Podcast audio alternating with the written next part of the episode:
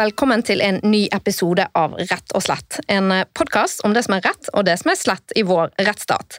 Mitt navn er Katrine Holta, og jeg er strafferettsforsker på Politihøgskolen. Og denne podkasten den er sponset av Karnov juridisk forlag. Natt til torsdag den 8. november i 2018 så kjører Sjøforsvarets stolthet fregatten Helge Ingstad inn i Hjeltefjorden utenfor Bergen. Om bord på denne fregatten så er det et mannskap bestående av 137 personer. De har vært på Nato-øvelse i Nordsjøen og skal nå hjem til Håkonsvern. Det er mørkt, men klart vær. Og båten den beveger seg med en hastighet på ca. 17 knop. Det er syv personer som jobber på broen, men bare én av de registrerer det 250 meter lange tankskipet som beveger seg mot de. Rormannen tror de andre ser det samme som han, men eh, vaktsjefen han misforstår situasjonen. Han tror at det flombelyste objektet er landbasert. Noen hundre meter unna det stedet der jeg tilbringer mine sommerferier, så går det altså fryktelig galt. Klokken 04.01 krasjer Helge Ingstad med oljetankeren Sole TS. På fregatten så blir styrbord side revet opp, og mannskap som sover i lugarene sine, de opplever at veggene presser sammen rundt dem. For disse så må det hele ha vært utrolig dramatisk. For andre så var nok sammenstøtet mindre merkbart. Mannskapet mister kontroll over båten, og det tar ikke lange tiden før båten grunnstøter i fjæren. En fregatt til fire milliarder kroner er nå tapt. Men i en ulykke som kunne blitt en total katastrofe, så er det heldigvis ingen som omkommer, og det er jo tross alt det viktigste. De siste ukene så har én mann sittet på tiltalebenken i Hordaland tingrett. Det er ikke kapteinen, som i sitt vitnemål har sagt at det syns han er vanskelig å akseptere. Det er tross alt han som har ansvaret for alt som skjer på båten, også når han ikke er på aktiv vakt. Nei, Påtalemyndigheten har tiltalt den unge og litt uerfarne vaktsjefen, han som trodde at det flombelyste objektet lå ved land. Påtalemyndigheten mener at vaktsjefen uaktsomt har forårsaket sjøskade som lett kunne medføre tap av menneskeliv. I tillegg mener de at han har forsømt militære tjenesteplikter på en måte som har voldt betydelig skade. Det har flere i Sjøforsvaret reagert på, for ingen er bedre enn den opplæringen de får, som en fra mannskapet sier til NRK. I dag lurer jeg på om vaktsjefen ble gjort til syndebukk for en ulykke som har sammensatte årsaker, og om straffefokuset kan ha noen negative konsekvenser for den fremtidige sjøsikkerheten. I studio har jeg fått med Christian Gold, han er spesialist i menneskelige faktorer og organisatorisk sikkerhet. Han jobber i konsernstab for sikkerhet i Equinor, og han har tidligere skrevet doktorgrad om navigasjonssikkerhet i Sjøforsvaret. Velkommen til Rett og slett. Tusen takk. Kan du fortelle litt kort om hva slags forskning du har utført som er relevant for Helge Ingstad-saken? Jeg har jobbet med forskning for eh, Sjøforsvaret i fire-fem år på navigasjonssikkerhet i Sjøforsvaret. Eh, og da så jeg spesielt på, på ulike omstendigheter og betingelser som, som, påvirket sannsynligheten for feilhandlinger som kunne føre til navigasjonsulykker. Og, og det som vi der var opptatt av, det var ulike forhold som var knytta til individ, knytta til teknologi, knytta til oppgavene de gjorde, og måten det Eh, innvirket på sannsynligheten for at ting skulle gå galt. Da. Så det, det, som jeg gjorde, det var først og fremst å se på sjøulykker i, i, marinen og i Sjøforsvaret totalt sett over en 20-årsperiode. Se på hva var typiske omstendigheter som gikk igjen i både kollisjoner og grunnstøtinger. Og, og, videre så så vi også på hvordan, hvordan kunne ulike omstendigheter påvirke evnen til navigatører da, til, å kunne, til å kunne utføre sikker navigasjon. Dette var, dette var, motivert av en god del forandringer som pågikk i, i Sjøforsvaret på den tiden. Og, og, de forandringene de var veldig stor grad knyttet til, til ny teknologi. For de fartøyene som jeg har jobbet med, det var stort sett disse MTB-ene, missiltorpedobåtene, som var Hva er det for noe? Det, MTB det er missiltorpedobåter. Det, det, er mindre båter, det er ikke fregatter, altså, som er som er um, Men kan vi ta det òg helt kort, altså for de Mm. som ikke har sett bilder og sånne ting. Hva er en fregatt? En fregatt det er, en, det er den største båten da, som eh, er i, i marinen, og de brukes da i stor grad til, eh, til ubåtjakt og til, eh, og til å forsvare mot, mot andre mål, f.eks. i luften. Da? Og, de inngår da i, i det totalforsvaret som Norge har, og, og er også en del av, av Natos stående styrke. Så, Mm. så dette er jo båter da som, som typisk da opererer både langs kysten i Norge, og som bidrar i internasjonale operasjoner ellers. Mm. Ja. Og så var du, så avbrøt jeg deg. Du var på vei til å si noe om disse Missiltorpedobåtene ja, de var, under, de var under utskifting på den tiden jeg jobbet med Forsvaret. Fordi de skulle byttes ut med en ny type båt som det kalles for en kystkorvett. Altså, som er den nye Skjold-klassen. Og, og, og den forandringen den medførte at, at du endret veldig mye på disse oppgavene eh, navigatørene hadde ved at du innførte ny teknologi. De gikk over fra å bruke Og en navigatør. En navigatør det er jo den personen da, som er ansvarlig for, eh, for båtens uh, fremdrift og seilas. Vaktsjefen, da. Ja, I dette tilfellet så er det jo han, da. ikke sant? Og, og, og denne navigatøren har jo da hatt veldig ulike måter å gjøre den jobben på over tidenes løp. Så, så hvis du går tilbake til Ja, av at teknologien har endret seg så mye. sant? Teknologien har endret seg, oppgavene har ikke endret seg så mye, ikke sant? fordi de seiler langs kysten i de samme farvannene, sånn, men, men måten man gjør det på, det har forandret seg noe. Og, og mye av det har vært av at man har innført ja, radar, elektroniske kart, man har andre systemer også som, som virker som hjelpemidler. Og den forskningen jeg gjorde, det var å se på hvordan var det de, de endringene ville påvirke sannsynligheten for feil. Fordi at den teknologien man der innførte, den, den er jo ikke da uproblematisk, fordi at du endrer på oppgavene som menneskene der gjør. For eksempel så, så har man tidligere vært avhengig av å ha en veldig sånn kontinuerlig kommunikasjon mellom den personen som leste papirkartene, navigatøren som bestemmer de handlingene og beslutningene man skal ta, og, og rormannen ikke sant, som skal utføre dette her. Dette, Altså rormannen, hva gjør rormannen? Rormannen han er den som da, som, som da faktisk manuelt eh, styrer båten og den retningen her. Så han utfører dette på ordre fra, fra navigatøren eller vaktsjefen. Ja. Og, og, og dette Så navigatøren er den som på en måte leder og tar beslutningene på hvor de skal føre båten, og så er det romannen som utfører det. Korrekt. Mm. Mm. Og det her var jo på Helge Ingstad så var det jo sånn at romannen oppdaget jo, som jeg nevnte i innledningen, opplag, oppdaget den der eh, tankeren før de andre, men trodde at de andre hadde sett det samme som han. Det stemmer. Ja, og det kom frem i, i Havarikommisjonen sin gransking senere. Mm. Ok, og, så, her, så du har forsket da på eh, hvordan teknologien eh, øker eller reduserer sjansene for feil, da. Ja, blant annet fordi at Bare for å si det, altså, så er det slik at når, når man endrer på måten man jobber på, så endrer man også på sannsynligheten for at folk gjør feil. Og, og en ting som, som mennesker er dårlige til, det er f.eks. sånne passive overvåkingsoppgaver. Så, så ved, at man, ved at man innfører ny teknologi som, som gjør navigasjonen mer automatisert, så gjør man også navigasjonsoppgaven annerledes ved at du i større grad bare overvåker og følger med på noe, i større grad at man aktivt er en del av navigasjonen. Ikke sant? Og det, og det er noe som, som man har vært klar over i Forsvaret så, så på denne aktuelle dagen da, hvor, dette um, skjedde med Helge Ingstad, så trente man faktisk i stor grad på optisk navigasjon da, med støtte da, fra noen elektroniske hjelpemidler. Hva betyr optisk Altså, navigasjon? Det er liksom den klassiske måten man navigerer på, basert på, på å se på visuelle landemerker, basert på bruk av kart, basert på, på en god del sånne tradisjonelle navigasjonsmetoder. Det vi gjør når vi fører en vanlig personbåt, typisk. Ja, på en måte, men, men med, med noen prinsipper som, som jeg nok si går litt sånn forbi det typiske fritidsbåtførere vil, vil gjøre. da. Dette er en del av det som du kaller for sikkerhetsfag, Ja, det er nok det. men det høres litt ut som psykologi. Ja, det er en god del psykologi i det. Og, og I tillegg til psykologi så er det en god del eh, ingeniørvitenskap, og, og det kommer også selvfølgelig elementer av risikostyring inn i bildet, så, så dette er et tverrfaglig felt. da.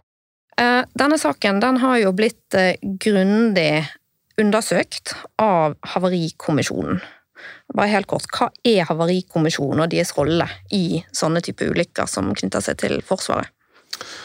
Eh, altså Statens havarikommisjon for transport den, den har jo da som rolle å, å, å granske ulykker eh, knyttet til, til, luftfart, til sjøfart, knyttet til veitrafikk, jernbane og etter hvert nå også Forsvaret, med hensyn til læring. Og det er veldig viktig, fordi at de har, en, de har ingen sanksjonsmyndighet, og, og, de har kun som hensikt å prøve å få klarlagt de forholdene som har vært av betydning for for ulykker. Ja, og det du sier nå er ganske viktig, for det betyr jo at det finnes to spor i denne Helge Ingstad-saken. Så Det ene sporet er på en måte Havarikommisjonen og undersøkelsen, som ikke har som formål å plassere skyld og finne syndebukker, men å finne årsakene og på en måte kartlegge det sammensatte årsaksbildet. Eh, I tillegg så har jo politiet gjennomført en etterforskning. Eh, det har jo et helt annet formål. Det er jo å finne ut om det er noen som er strafferettslig ansvarlig. og det er jo den etterforskningen som da har ført til at eh, det nå pågår en sak i Hordaland tingrett. Stemmer, ja. Så, så opprinnelig så, så, var det i all hovedsak luftfart Havarikommisjonen gransket. Og, og, og, på det tidspunktet så var det slik at uh, sjøulykker det ble i stor grad gransket av Sjøfartsdirektoratet. Man hadde såkalte sjøforklaringer. Og i disse sjøforklaringene så var det sånn at Fokus var i all hovedsak på kapteins juridiske ansvar og rederiets juridiske ansvar. Dette her førte til at, at, man hadde veldig mye fokus på, på, på rettslig ansvar, på, på brudd på, på sjøveisregler osv., og, og som ikke nødvendigvis avdekket de forholdene som var av betydning for forbedringer innenfor sikkerheten. Og Det var en av grunnene til at man der overflyttet det granskingsmandatet fra Sjøfartsdirektoratet til Havarikommisjonen. Og med tidenes løp så har det også blitt utvida til å inkludere veitrafikk, eh, jernbane osv. Men hva er det som er fordelen med å ha en havarikommisjon? Altså, jeg kan bare legge til her at Dette er altså en etat som ligger under Samferdselsdepartementet. Den skal være uavhengig og nøytral av alle parter og av staten. Eh, og så skal den utarbeide en rapport. Og bare for å si litt også om størrelsesforholdet for den, de undersøkelsene de gjør. Her denne, Med denne Helge Ingstad-saken så er det fem til ti personer som har jobbet kontinuerlig med Ingstad-saken eh, fra 2019 til 2021. Eh, og de har avlagt to større rapporter om denne hendelsen. Der den ene, den første, dreier seg om det som skjer frem til kollisjonen, altså hvorfor kolliderer det. Uh, og så er det, den andre rapporten som vi kom, del av det, som, og del av hendelsesforløpet som vi kommer til å snakke mindre om i dag, for den er ikke interessant for straffesaken. Det er eller mindre interessant iallfall, det er hva som skjer etter kollisjonen og frem til båten da grunnstøter og, på, og, i fjæren. da. Uh, men uh, ja. Ja, altså Havarikommisjonen har jo som utgangspunkt å, å prøve å få klarlagt de faktiske omstendigheter som har, som har ført til ulykker, med hensyn til, til, læring og med hensyn til sikkerhetsforbedring. Og det, det betyr jo da at, at, de har som hensikt å prøve å forstå alle de omstendighetene som har påvirket. De, mm. de tar en veldig sånn bred tilnærming som, som, har som hensikt å se på hvilke forhold har det vært knytta til individene som har vært involvert, hva slags, hva slags erfaring, hva slags opplæring, hva slags hva slags uh, helsemessige forhold er det, er det, som har påvirket de. I tillegg til å se på teknologi, utstyr, se på vær, fysiske forhold, hvordan det er påvirket. Ikke, og ikke minst også se på insatoriske forhold knyttet til f.eks. rederi, knyttet til forsvar, knyttet til arbeidsgiver. Mm. Og, og, og, hvordan er det de omstendighetene er blitt påvirket av rammer satt av de, da. Mm. Og her er da hele på en måte det organisasjonspsykologiske poenget er vel da at eh, når denne type undersøkelser gjøres av en kommisjon som er ikke ute etter å plassere skyld, men bare å identifisere årsaksforhold, så tenker man at eh, det er lettere å få frem informasjon, at eh, det er, det er mer man kan ha å lære av dette. Er det sånn? Altså, Havarikommisjonen de, de, opererer jo da under, under um, loven om undersøkelseskommisjoner i Norge. Og, og, og, her er det sånn at man har jo forklaringsplikt da, i, i en gransking. Uh, og, og, her er det slik at, uh, at utgangspunktet er at det ikke skal være en trussel om straff som ligger bak den innhentingen av data som, uh, som folk kommer med da, når de blir intervjuet av Havarikommisjonen. Mm. Og det, og det, er et veldig viktig prinsipp, fordi at Merk også at dette her påvirker hele terminologi, terminologien man bruker. ikke sant? Altså Man sier da 'intervjuet av en undersøkelseskommisjon' gjennomfor en undersøkelse. Det er ikke en etterforskning, og det er ikke avhør. Det er veldig viktig. Og, og her kommer vi egentlig inn på det som er litt sånn sakens kjerne. For den diskusjonen vi har nå, det er jo om, om valget man har da, mellom, mellom, straff og læring. Og, og hele, hele, opprettelsen av, av eh, Havarikommisjonen det har jo hatt læring som fokus. Og en viktig forutsetning for de intervjuene de bl.a. gjennomfører, det er jo det at folk skal føle seg trygge på at det de da deler av informasjon og, og, og, og ting som kan reflektere ganske negativt tilbake på dem selv, ikke vil bli brukt mot dem. Og da er det jo klart at da har du en utfordring når rettsvesenet eh, da vil bruke den informasjonen i en straffesak mot dem. Men det kan de vel ikke gjøre? Altså, det er vel sånn at um Altså, De involverte har jo da en forklaringsplikt for Havarikommisjonen etter lov om forsvarsundersøkelser, men så er det jo sånn i strafferetten da at eh, der er det jo sånn at du har et selvinkrimineringsvern. Det betyr altså at du har, ikke, du har en rett til ikke å måtte eh, inkriminere deg sjøl, snakke deg sjøl inn i en straffesak og inn i straffansvar. Du har rett til å ikke bidra til din egen domfellelse. Eh, og for å respektere den rettigheten, så har man da også i denne her eh, lov om forsvarsundersøkelser innført et bevisforbud som gjør at man ikke kan bruke de type intervjuene. Man, kan, man, har det, men man kan jo ikke forby uh, folk å lese disse rapportene.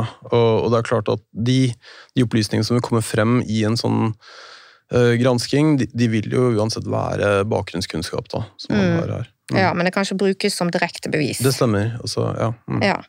Ok.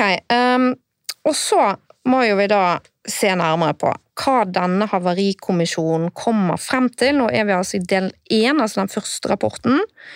Hva er det som er årsakene til at Helge Ingstad kolliderer, ifølge Havarikommisjonen? Altså de, de, de, direkte årsakene det, det oppsummerte ganske bra selv. det, det handler veldig mye om at de, de feiloppfattet situasjonen. De oppfattet ikke at, eh, at, eh, at Sola Tes var en, en, båt som var på vei ut. De, de hadde en, en, veldig ulik oppfatning av situasjonen da enn det man, enn det man vet i ettertid var, var situasjonen. Og det, og det er klart at det er det som har fått veldig mye fokus nå i straffesaken. Altså de direkte forholdene 80-90 sekunder før selve kollisjonen. Men Havarikommisjonen har jo også sett på veldig mange årsaker som ligger litt lenger tilbake i tid. Og, og, det som de da trekker spesielt frem, det er jo denne såkalte klareringsprosessen da, for, for, vaktsjefer. Og, og, det handler veldig mye om det opplæringsløpet og den prosessen som, som marinen har da, for å, å, godkjenne de for selvstendig vakttjeneste. I tillegg til, til det øvrige personellet som er på bro. da. Det, det er det første. Og, og dette, dette, er jo da også um, knyttet til noen av de rutinene man har hatt, da, bl.a. For, uh, for kommunikasjon på bro, for overlevering av informasjon mellom vaktbytte, sånne type ting.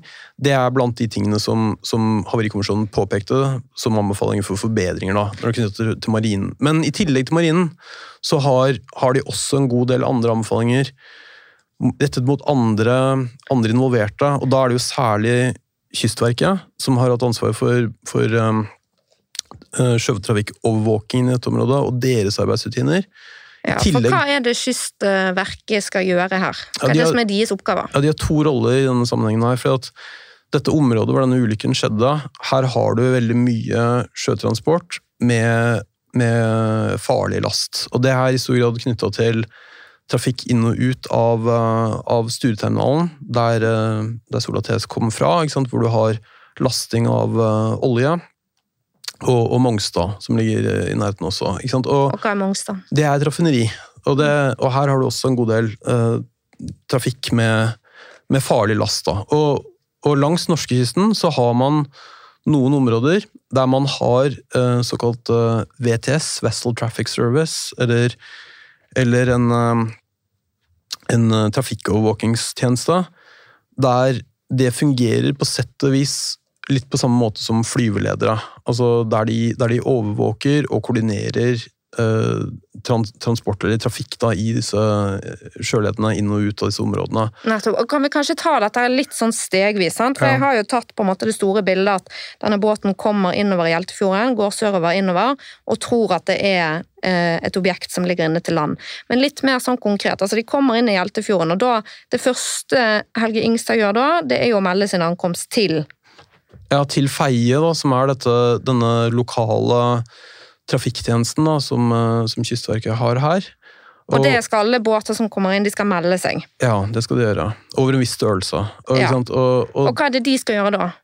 da, skal de, eh, da skal de forsøke å, å holde oversikt over trafikken her, og de skal prøve å koordinere og passe på at du unngår situasjoner da, der, disse, der disse båtene kommer i konflikt med hverandre. Og de sitter og ser alt på en radar eller sånn på hva som skjer, eller? De har blant annet radar, men de har også andre, andre systemer da, som de bruker til det. Mm. Ja. Og, det er, og det er viktig å understreke en forskjell på, på den trafikktjenesten og en flyveleder. fordi at de her kan ikke dirigere eh, trafikken. altså de, de har jo en rådgivende rolle, så det er jo ikke de som har ansvaret, men, men, det er, men de har en veldig viktig rolle også da, i å sørge for at du unngår situasjoner da, som er farlige. her. Ja. Mm. Og dette her, nå er vi altså klokken er snart fire på natten, Ja. og det er også vanlig at det er vaktskifte klokken fire. ja. Eh, Så, rett, så det blir jo et vaktskifte, det er vel kvart på fire eller noe sånt, de har vaktskifte om bord i Mm. båten, ikke sant? Mm. Eh, Så det òg er jo noe som Havarikommisjonen peker på, at det er medvirkende, at det er et vaktskifte, og at det, liksom, det er jo alltid litt sånn ja. en ustabil situasjon, holdt på å si, når man bytter folk som skal ha oppmerksomhet på ting. Mm. Eh, så det, her er det, det har vært vaktskifte, de er på vei innover Hjeltfjorden, de melder sin ankomst, men de går glipp av at de kan høre på radioen at Sola Tes blir klarert for å kunne gå ut og skal nordover oppover Hjeltfjorden. Det får de ikke med seg, og Og det kommer på radioen, men det kommer akkurat i dette vaktskiftet. Det er blant de forholdene som har betydning der, ja. Ja. Så er det en god del annen trafikk i det området på den tiden der. Så du har flere båter da, som er i det området. Ja, og da er vel tanken til Helgings at de skal Altså, de ser det objektet som ligger ved land, de tror at det er landbasert, og dermed så oppfatter de at de er nærmere land enn det de er. Ikke det sånn? De, de er, det er litt usikkert hva de tror Solates er egentlig, altså, men, men det er viktig her å huske på at i dette området så har du veldig, veldig mange ulike uh, anlegg da, med ting som kan være andre ting enn tankbåter. Altså, du, har, uh, du har en god del sånn eh, havbruksanlegg, du har um, Hanøytangen, du har Ågotnes, der du har, olje, har borerigger for eksempel, som ligger i opplag. Og, og i dette for deg så er du også litt sånn usikker på om de tror at båten faktisk er et kaianlegg. Men, men her er det en del sånn usikkerhet også. Men en ting som er på det rene, det er at de tror ikke at det er en tankbåt. I bevegelse. I bevegelse, nei. Nei. Og så er de klar over at det kommer flere båter lenger inne som er på vei mot de, som de må styre unna. Ja, så de er veldig klar over det. Og, og et, eh, et av, av forholdene her som er viktig, det er jo at det oppstår en del misforståelser knyttet til radiokommunikasjon her. Hvem det er som faktisk kommuniserer med Helge Ingstad. Ja, for det som skjer er jo da at de er på vei nedover her, de er opptatt av disse to eller tre båtene som er lenger inn i fjorden som de skal unngå, Ja. som skal komme da på babord side, altså til venstre. Og så tenker de at de må passere eh, Altså at de må ikke komme i konflikt med disse båtene. Så da må de holde seg et stykke til høyre, altså til styrbord. Det stemmer, ikke sant? Og, og her, er det, her, er det, her er det litt vanskelig for oss nå i ettertid å, å faktisk plassere oss selv da, i, i hodene til de som var på bro på Helgengstad, men, men det er i det bildet her at det oppstår forvirring, og det oppstår en god del sånn usikkerhet rundt, rundt hva som er de faktiske forholdene. Og det er nå Sola 2 TS eh, kaller opp Losen på Sola TS kaller opp Helge Ingstad. Ja, og dette er den andre delen av, av dette sakskomplekset hvor Kystverket har en rolle. fordi at I tillegg til å ha ansvar for trafikkovervåkingen, så har de også en los da, om bord i, i Sola TS. Fordi du har losplikt i dette området her. Og Hva betyr det? Det betyr at, eh, det betyr at kapteinen på, på denne båten her har ikke anledning da, til å, å, å seile på egen hånd i dette området her uten, uten å ha en, en godkjent los da, om bord. Og Og hva er er en los? en los er en, eh, en utdannet uh, navigatør ja, som har, som har kjentmannskunnskap om, om disse farvannene her, og som da skal, skal, skal foreta rådgivning rundt sikker navigasjon da, inn og ut da, av disse områdene. Så, Så- du har områder her med losplikt der, der, der du må ha en Så det er en fyr fra Kystverket som da er med om bord på Sola TS Ja, stemmer. Ja. når de er på vei ut, og det er han som kaller opp. Han kaller opp både trafikksentralen på Feie og Og, og, Og spør der først hva er det for båt som kommer. Ja, fordi han kan se lanternene eh, på, på Helge Ingstad. Eh, Men han har, men han han har også kontakta med, eh, med eller han, han prøver altså å ta kontakt med, med Helge Ingstad, men i det tilfellet der, da blir det en misforståelse rundt hvem det er som faktisk kaller det opp. Så, så Ja, men bro- Først så kontakter han da Feie sant? og spør hvem er den båten som kommer her, og så er de usikre på hvem det er. For da har de glemt at de har plottet inn Helge Ingstad litt tidligere. De har ikke plottet inn Helge Ingstad. Å nei, de har ikke gjort det. Nei, ikke sant? Ja, det, for det har de glemt å gjøre. Ja. Ja, så, Hvor alvorlig er det, da? det hadde nok en god del å si her. Ikke sant? Og, og det, Og hva betyr det å plotte inn? Altså At du kan se dem på radaren med navn? ja, det betyr at du, du da merker dette objektet med navn, sånn at du har kontroll på, på hvem dette er. Ja. Mm. nettopp. Og det hadde en del å si. Det hadde noe å si, ja. Og, og det som er viktig å si, er jo at i denne hendelsen så var det veldig mange omstendigheter som måtte være på plass til, til samme tid for at dette skulle gå galt. da. Og, Ja. og, og her er det jo slik da at um, Havarikommisjonen da, i deres gransking de har jo da hatt som hensikt å få klarhet i alle disse ulike forholdene. Altså radarplott og, og eh, sant, hva, hva trafikktjenesten har gjort, hva, hva man har hatt av radiokommunikasjon, forhold Ja. til kommunikasjon, innad på broa på Helgingstad. Og det man da kommer frem til, sant, er at de, Ja. først har losen kontaktet trafikksentralen. De husker ikke helt hvem det er som kommer. ja, De er litt usikre på det. Og så blir de kontaktet igjen, losen blir kontaktet igjen av trafikksentralen litt senere, etter kort tid, som sier det er forresten Helge Ingstad. ja, det, det blir du da etter hvert klar over. Og, Ja, og da tar losen kontakt med Helge Ingstad.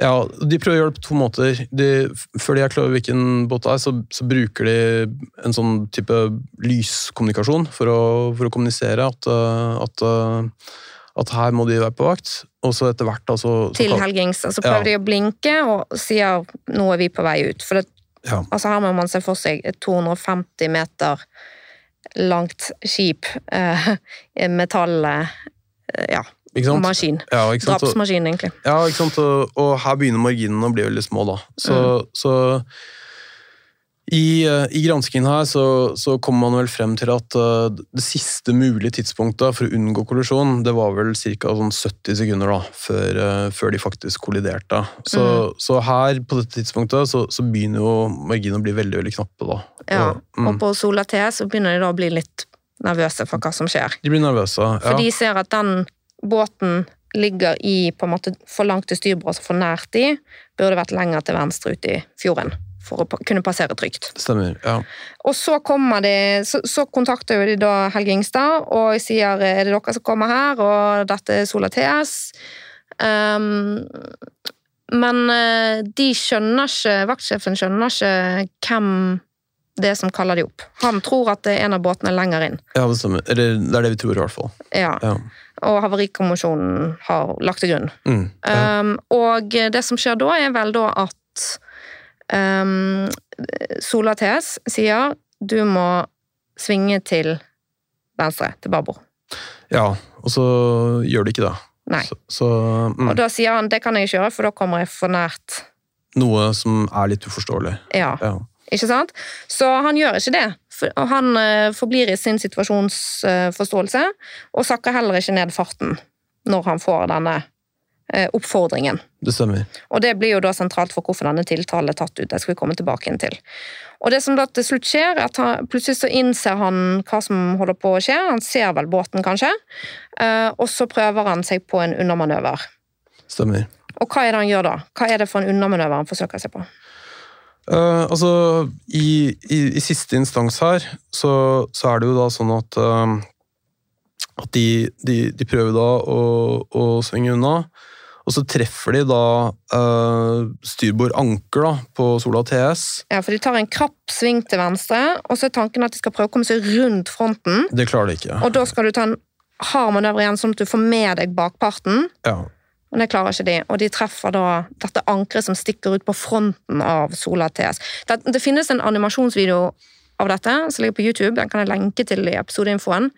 Eh, Jeg synes det var veldig nyttig å se den for å skjønne Ja. ulykken. Den har Havarikommisjonen laget, så den er jo en offisiell versjon. ja det er klart det. Og, og den, er, den er veldig bra laget, og, og her er det veldig lett å få et bilde av, av hva som skjedde i de, i de siste sekundene, i hvert fall, før Ja. ulykken. Så her må man se for seg altså at denne Helge Ingstad kommer jo da egentlig på tvers foran Mm. Eh, baugen da på Sola TS, og så på en måte prøver han å snu rundt, og så blir da hele siden, styrbords sin høyre side av båten til fregatten, blir jo da skrapt opp med et sånn hull inni. Ja da, ja. Og så, og så treffer man jo da rett i forkant av, uh, av styrbord torpedomagasin på, på Helgingstad. Ikke sant? Og, og dette her er Ja, hva vil det si? altså, så, ja, så, ikke sant, så, så, For her er jo vi, det snak, vi snakker jo her om en krigs, et krigsskip. Et krigsskip med 137 mennesker om bord, hvorav veldig mange er ganske unge mennesker. Mange av de ligger og sover. Ikke sant? Så, så Men torpedorommet, poenget er at de har også, de er jo fylt av våpen. Ja, ikke sant? Men her, her tror jeg nok egentlig at sannsynligheten for at, for at det skulle føre til problemer, var relativt lavt. Altså, det er ganske mange sikkerhetsforanstaltninger man har da på disse våpensystemene. Men, men det som er veldig viktig å huske på her, det er at konsekvensene her, de var store. De var veldig store. Man, man mistet jo en fregatt, men de kunne vært mye større. Og det, og det at man hadde så mange mennesker om bord som potensielt kunne mistet livet sitt Man hadde, man hadde også denne, denne oljetankeren da, som var fullastet da, på vei ut fra styreterminalen. Det førte jo til at, at her kunne jo dette gått mye, mye verre enn enn det gjorde. Mm. Det er ganske, eh, Hele historien, podkast på NRK, de eh, har laga veldig god serie om dette som får veldig sånn innblikk i hvor alvorlig det faktisk var for enkelte av de som lå i de lugarene på den siden der det ble skrapt opp. Eh, Og det kom ikke helt frem i mediedekningen i starten. Nei, nei, det er helt klart. Og, og, og for de som, de som var her, så, så var nok dette veldig dramatisk. Veldig forståelig, altså. Og, og noen av de opplevde jo å bli klemt fast, noen av de opplevde å komme under vann. Og, og dette her er jo ting som, som var veldig dramatiske. Og, og det er klart at det er jo mye av grunnen til at denne saken her fikk så mye oppmerksomhet. Men én ting som jeg er nødt til å, å understreke her, det er at konsekvensene av en sjøulykke, enten det er en kollisjon eller det er en grunnstøting, de kan ofte være ganske tilfeldige. altså. Fordi at Avhengig av hvilken, hvilken fart du kommer i, hvilken vinkel du treffer i, hvis du grunnstøter, om du, om du grunnstøter mot en sandbanke eller om du grunnstøter mot fjell, det vil være veldig avgjørende for de faktiske konsekvensene av ulykken. Selv om navigasjonsfeilen som gjøres, eller feilene, de kan være de samme da. Så i det tilfellet her, så var det jo sånn at det som var unikt, det var jo konsekvensene. Altså at man, man fikk denne veldig alvorlige ulykken som, eh, som, som førte til at du fikk tap av denne fregatten. da. Ja, For hvis de hadde klart undermanøveren, så ville vel dette neppe vært en nyhetssak. Nettopp. Og det er det som er veldig sentralt her. Det som ikke var unikt, det var alle de omstendighetene som påvirket at ulykken skjedde. Og dette er jo en av grunnene til at jeg har, har hatt mye interesse for denne saken her. fordi at de omstendighetene som Havarikommisjonen her påpekte som viktige, det var omstendigheter som, som i min forskning som vi hadde sett i et veldig høyt antall mindre ulykker da, i Sjøforsvaret gjennom årene. Og Det er jo ting som kan være knyttet til mangel på erfaring på bropersonell, det er forhold som kan være knyttet til tretthet, forhold som kan være knyttet til, til, um, uh, til kommunikasjonsmisforståelser, forhold knyttet til utstyret de brukte, forhold knyttet til, til, uh, til de fysiske omgivelsene de seilte i, lysforurensning, trange farvann osv. Ja, for kan vi oppsummere hva som er årsaken ifølge Havarikommisjonen? Altså, du har da um, At det skjer et vaktskifte. At vaktsjefen har, er for uerfaren og for ung. Uh, har ikke hatt, uh, drevet med dette lenge nok. Uh, at det er to stykker på broen som er under opplæring mens dette her eh, skjer. Um, og at TS, Sola TS, når de kommuniserer med Helge Ingstad, så er de ikke tydelige nok på hvem de er. De har, de har både uh, en del forhold knyttet til kommunikasjon internt på Helge Ingstad, men de har også en del forhold knyttet til kommunikasjon mellom Helge Ingstad, Sola TS og vaktsentralen på Feie. Så, Sola TS har jo da også flombelysning på på dekk, og der har jeg merket at det er litt uenigheter, tror jeg, om det er greit. For det gjør jo da at eh, Helge Ingstad ser ikke disse forsøkene på å kommunisere med blink. ja, det, bidrar, det bidrar nok også til at de ikke ser at det er en båt. Ikke sant? Og, og dette her gjør de for å gjøre det lettere for, for um, matrosen og de andre på, på, på dekk da, på Solates å kunne, kunne gjøre det arbeidet de skulle gjøre der. Og dette her er noe de egentlig ikke skal gjøre, da, etter reglene, så vidt jeg forstår. Men, men, samtidig så er dette her noe som er helt vanlig, og som gjøres helt rutinemessig. Og det er jo en av de forholdene som er veldig, veldig viktige her. Det å se på ikke bare hva var omstendighetene denne aktuelle dagen der dette gikk helt galt, men hva er det som er helt vanlig å gjøre, og hva, hvordan skilte denne, denne, ulykken her seg fra, fra praksis da, som var helt vanlig, både i marinen, hos Kystverket og, og, ikke minst også på den tankbåten. Hadde Kystverket, var de, Er de regnet som en medvirkende årsak på noe vis? Ja da, det er de. I hvert fall i, i Havarikommisjonen sin, sin, gransking så blir jo det trukket frem. da.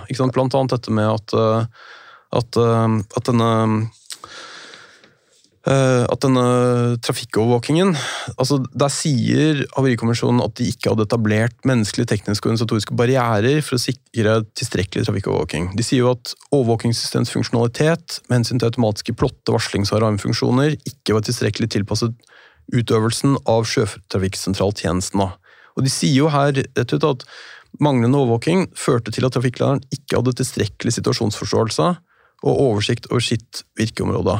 Så her er det ikke bare, det ikke bare vaktsjefen på Helge Ingstad som har en, en, en, feilaktig situasjonsforståelse. Her er det jo også den trafikklederen på Feie. Men en viktig forskjell her, det er hvem av de er det som er juridisk ansvarlige. Ikke sant? Og, og, og det, og det å, å, å, kollidere med en tankbåt i Norge, det er, det er straffbart. Ikke sant? Og det er jo grunnen til at denne vaktsjefen uh, er her. Kan være det, iallfall. Kan, kan være det, ja, ja. Mm. Er, er tiltalt. Ikke sant? Men, men, men denne trafikklederen det at, uh, det at, han uh, glemte å, å, å, å, få registrert Helge Ingstad, at han var kanskje litt sent ute med å kommunisere, sånn, det, det, er jo ikke underlagt de samme, de samme lovbestemmelsene. Mm. Så, så, her har du, her har du liksom et, et, typisk eksempel da, på den ulike inngangen man har fra en sånn sikkerhetsfaglig tilnærming, der, der Havarikommisjonen prøver å forstå alle de, de, omstendighetene som har bidratt, kontra det, det rettsvesenet og domstolene må ta stilling til, knytta til, til, juridisk ansvar. Ok, Da tror jeg vi har begynt å få på en måte lagt eh, hendelsesforløpet litt mer eh, helhetlig. Eh, det, vi har brukt litt tid på det, men det er ganske komplisert å få oversikt over, så nå tror jeg vi har det. Eh, og da kan vi gå videre og diskutere straff. For hva er straffens formål i disse situasjonene, ikke sant? Um, du nevner jo dette her med at um, de feilene som skjer her, det er feil som kan skje når som helst, uten at det blir noen konsekvenser. Grunnen til at dette blir en straffesak, er fordi det blir kollisjon. Det er pga. Av, av, omfanget og konsekvensene av, av ulykken. Altså, i i de ulykkene som jeg, som jeg, grans, som jeg så på da, i, i, eh, i, min forskning, så var jo dette ting som stort sett hadde mindre materiellskader. Kanskje noen om bord fikk noen skrammer osv., men det var jo ting som ikke førte til, til tap av, av, av, fartøyet, typisk. Og da forstår jeg det sånn at du syns at det er urimelig eller uheldig at det blir en straffesak når det er snakk om feil som kan gjøres hele tiden, uten at det blir noen straffesak? Er det sånn? Altså, det er, det er, viktig for meg å være tydelig på at, jeg, at, at det fins ulykker, og det fins store ulykker, der det er, der det er eh, relevant å holde folk individuelt ansvarlig. Men, men, det er samtidig veldig viktig å forstå uh, de utfordringene det skaper å ha denne trusselen om straff, med hensyn til vår evne til å lære av ulykker og til å kunne forbedre sikkerhet. Fordi at de to står ofte i, i et motsetningsforhold. Og, og, det som er verdt å merke seg fra denne rettssaken som har pågått nå, det er jo annet det sjøforsvarssjefen sa når han var i retten, om at han føler at Sjøforsvaret her har blitt straffet for å ha vært ærlige da, i denne granskingen av ulykken. Og at, og at det på sikt kanskje kan, kan, føre til at man får mindre åpenhet da, rundt fremtidige ulykker hvis de skulle inntreffe. I det tilfellet dette her skulle ende i en, en fellende dom. Fordi at man da er redd for at uh, man i realiteten inkriminerer seg sjøl, da. Ja, det er jo det. ikke sant? Og, og, og, og straff, ikke sant, det, det, det, har jo da Uh, det har jo da flere formål, og dette vet du mer om enn meg, men en av de er jo at det skal virke preventivt. Og, og i det tilfellet her så, så, er det grunn til å stille seg spørsmålet om, om det vil virke preventivt på ulykker, eller om det i større grad vil virke preventivt på villighet til å rapportere og åpenhet. Og det vi vet fra forskning, er at det i størst grad påvirker det siste. At det virker, det virker veldig negativt på folks vilje til å rapportere nestenulykker, til å rapportere feil folk har gjort, til å, til å, til å til å være åpne rundt omstendigheter som kan reflektere negativt tilbake på dem selv. Ja, og det snakkes jo gjerne om um, i flytrafikken. Mm. Uh, og i flyfaget, på en måte, så har man eh, Det heter kanskje ikke flyfag, men kaller det det. Uh, men der har man jo hatt et stort fokus på nettopp dette her med at det ikke skal være et skyldfokus, men Eh, det skal være åpenhet om ting man gjør feil. Det skal være eh, Du sendte meg en lenk på forhånd til eh, noe som man kaller for et rettferdighetssystem, var det? Rettferdighetskultur, eller just, Rettferdighetskultur. just culture på engelsk. Ja. Da? Og dette her er dette Og det har jo, mener man jo da har gjort at luftfarten har blitt så sikker som den har blitt. Ja, fordi at det man har forstått der for, for, en god stund siden, det er at hvis du skal forbedre ting, så må du vite om det. Altså, det vi, det vi er ganske sikre på, er at man, man, kan ikke fikse en hemmelighet. Hvis ikke man vet om noe, så får man heller ikke gjort noe med det. Og det har luftfarten tatt hensyn til ved at de, de har uh, de har jo nedfelt da, disse just culture-prinsippene, eller rettferdighetskulturprinsippene, som handler om at man skal i størst grad ha fokus på, på læring og åpenhet, uten at det skal ha konsekvenser da, for, for de, som, de, som, melder inn om, om, ulike forhold, som kan reflektere tilbake på dem selv. Det betyr ikke at folk ikke har et ansvar, men, men utgangspunktet skal da være på, på, med vekt på læring fremfor på, på skyld. Da. Fordi at I tillegg til, til, dette med straff, at det ikke har en, en preventiv effekt, så er det heller veldig usannsynlig, det er heller ikke sannsynlig at det har en rehabiliterende effekt. For det, er jo her man må se på på forskjellene mellom kriminalisering av feil begått i yrkesutøvelse og, og straffbare handlinger som er gjort med forsett. For her er, det jo her er det snakk om folk som gjør jobben sin, og som stort sett gjør jobben sin så godt de kan. Og, og det å tro at, liksom, at, de vil bli bedre til å gjøre jobben sin av at de får en, en, en dom, det, det, er veldig usannsynlig. Men så kan man jo ha sånne situasjoner der eh, en eh, kaptein, en flykaptein, kommer på jobb og er, har ganske høy promille fra kvelden før, mm. um, og gjør feil. Og Det er et veldig godt eksempel på situasjoner der folk skal bli holdt ansvarlige, og hvor individuelle konsekvenser er veldig, er veldig relevante å vurdere. Og å, Også i en sånn rettferdighetskultur, ikke sant? Absolutt. ikke sant? Og, og, så det er forsettlig og grovt uaktsomme feil. altså da man, man er sterkt å klandre. Ja, absolutt. ikke sant? Og, og, og, det perspektivet det fratar deg ikke et ansvar med hensyn til å komme edru på jobb, eller liksom, du, du, kan ikke du kan ikke stjele ting, du kan ikke forfalske papirene dine. altså Du, du, kan, ikke, du kan, ikke, gjøre ting som er grovt, grovt uaktsomme. Men, men problemet her er dette uaktsomhetsbegrepet det er et veldig relativt begrep, som, som ofte uh, er veldig sånn sensitivt for etterpåklokskap når du ser at konsekvensene har vært store. Og, og, de, og, de, tingene som folk gjør, som ofte blir sett på som mangelfulle, da. at folk har vist uaktsomhet eller mangelfull oppmerksomhet, at de ikke har vist tilstrekkelig uh, årvåkenhet, at de ikke har utøvd nok presisjon i arbeidet sitt, at ikke de har gjort ting godt nok. Det er i veldig mange tilfeller ting som har vært tilstrekkelige, og som har vært gode nok en god del tilfeller før, uten at noe har gått galt. Ja, og da er du litt inne på mm, Jeg får litt assosiasjoner til eh, en sånn moralfilosofisk kritikk av strafferetten, egentlig. Um, I moralfilosofien så peker man på at, eh, og kritiserer en del av dette uaktsomhetsansvaret som man har i strafferetten. Uh, uaktsomhetsansvaret i strafferetten det er jo altså at uh, du blir ansvarlig for at du gjorde noe som du ikke mente å gjøre, altså det er et uhell. Um, fordi du kunne og burde ha gjort noe annerledes. Altså det, det, du kan klandres for at du var uforsiktig, opptrådte skjødesløst, uh, og du har utsatt andre mennesker typisk for en risiko ved å være uforsiktig, så det er klanderverdig. Uh, og så skiller man da mellom simpel og grov uaktsomhet, den simple er på en måte sånn um, klanderverdige feil, og den grove, da er vi typisk over i at du ja, kan være beruset, f.eks. Eh, når du kjører bil, eller sånne ting. da. Um, men jeg mener jo at denne, og, og, da kommer moralfilosofien, og så mener de det at um, problemet med uaktsomhetsansvar, og de peker kanskje da på eh, trafikksituasjoner, en person som kjører bil. Og du kan ha to personer som kjører bil, eh, og som gjør akkurat den samme feil, altså de ser på mobilen og sånne ting. Eh, der den ene personen, han ser ned på mobilen og kjører, han treffer et barn og blir da tiltalt for uaktsomt drap. Den andre personen, som gjør akkurat det samme, ser ned på bilen. Han kjører videre, det kommer ingen barn ut i veien. Han går videre med livet sitt, det skjer ingenting mer. Han kan kanskje, Hvis han blir tatt, så vil han jo bli tatt for uh, overtredelse av veitrafikkloven for å for å se på mobilen og disse tingene her, men han blir ikke tiltalt for noe uaktsomt drap.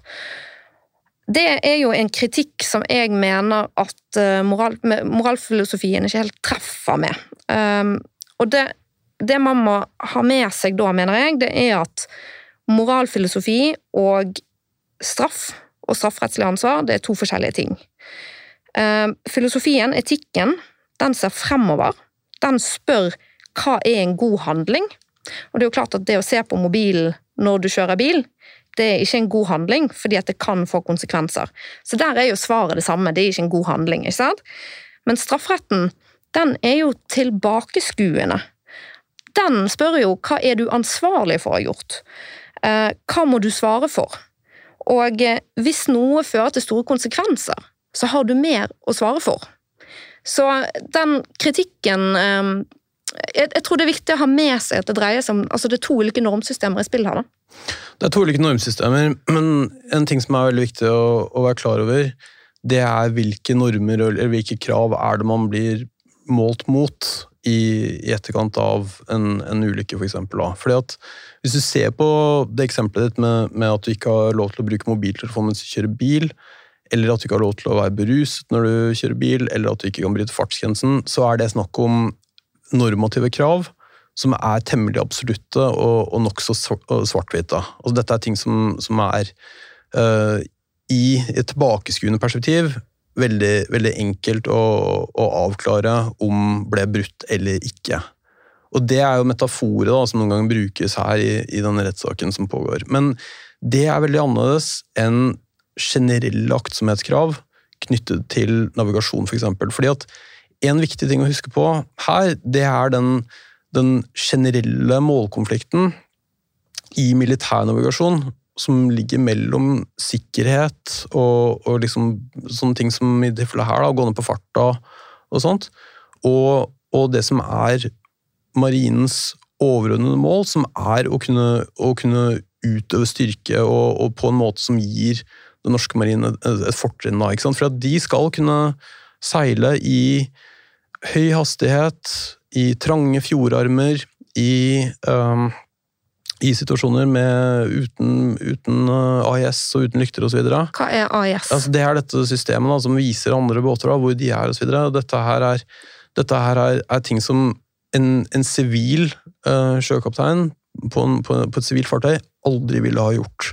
Men i militæret ville aldri skrudd av AIS-systemet? Du ville, ville aldri seilt i den farta der. Du ville aldri seilt uh, med, med, liksom, med de samme de forutsetningene som her ble gjort. Men Poeng, er... Poenget med AIS, bare sånn at jeg skjønner det teknisk sett, altså de skrur det av fordi de skal øve på å ikke se andre og ikke bli sett. De skal ikke være synlige for andre. Ja, og ja. Betyr det at de da heller ikke kan se andre selv? De kan se andre, det kan de. Ja. ja men de, de er Men de gjør seg usynlige for andre på radar? Stemmer. Ja, nei. nei. ikke på radar, men på dette systemet da, som identifiserer de. Ja, nettopp. Men, men det, det, generelle poenget mitt her, det er at, at um, her, har du, her har du på den ene siden en forventning om at man skal navigere sikkert, og vise aktsomhet. På den annen siden Og den står strafferetten for. ja? Og på, på, Og her har jo også da eh, påtalemyndigheten lagt stor vekt på at eh, Korrekt. AIS-systemet var avslått. ja, på den annen side så har du, så har du Forsvarets doktrine og Forsvarets normer og Fors- Forsvarets forventninger til måten, eh, måten de skal kunne utøve sin rolle på. Da. Og, det er, og det er noe veldig annet da, enn en sivil eh, eh, sjøkaptein vil, vil forventes å gjøre. Så, så, her har du, så har du to ulike forventninger som står mot hverandre. Og, Og og, fregatten, sant, de må jo, altså poenget er da at de må jo øve seg på å kjøre Hvis de, skal, hvis de skal bevare den fordelen i Sjøforsvaret av å kunne, av å kunne gjøre dette på en måte som andre lands styrker ikke kan, så må de trene på det. Og det her var, dette var jo en, en, en øvelsessituasjon. I likhet med de aller fleste eh, navigasjonssituasjoner i Forsvaret, så, så var jo dette en opplæring og treningssituasjon. Men, men forskjellen her på det å bryte fartsgrensen eller seile eller kjøre med promille, eller, eller sånt, den, den er veldig markant. fordi at her har du ikke sort-hvite krav som blir brutt. Du har ikke liksom de samme du, du har ikke de samme klare forventningene til, til hvordan man skal, eh, skal opptre. Uh, ok, men du snakker altså om hvordan det å få et sånn straffefokus, ansvarsfokus, eh, kan gå utover læringen. Eh, hva vet vi om dette fra andre skipsulykker? Altså, hvis vi går tilbake i tid, så, så har vi Man hadde sjøforklaringer i ca. 150 år, da. Og, og her, var det, her var det veldig mye fokus på kapteinen og rederiets juridiske ansvar. Og, og i litt sånn nyere tid så har vi også hatt andre ulykker hvor det har, har stått i fokus. Og um, på, slutt, på slutten av 90-tallet så er det kanskje viktigst å trekke frem uh, dette Sleipner-forliset. Dette var en sånn uh, hurtigbåt da, med, med passasjerer som, uh, ja, som grunnstøtte mellom Stavanger og, og Haugesund.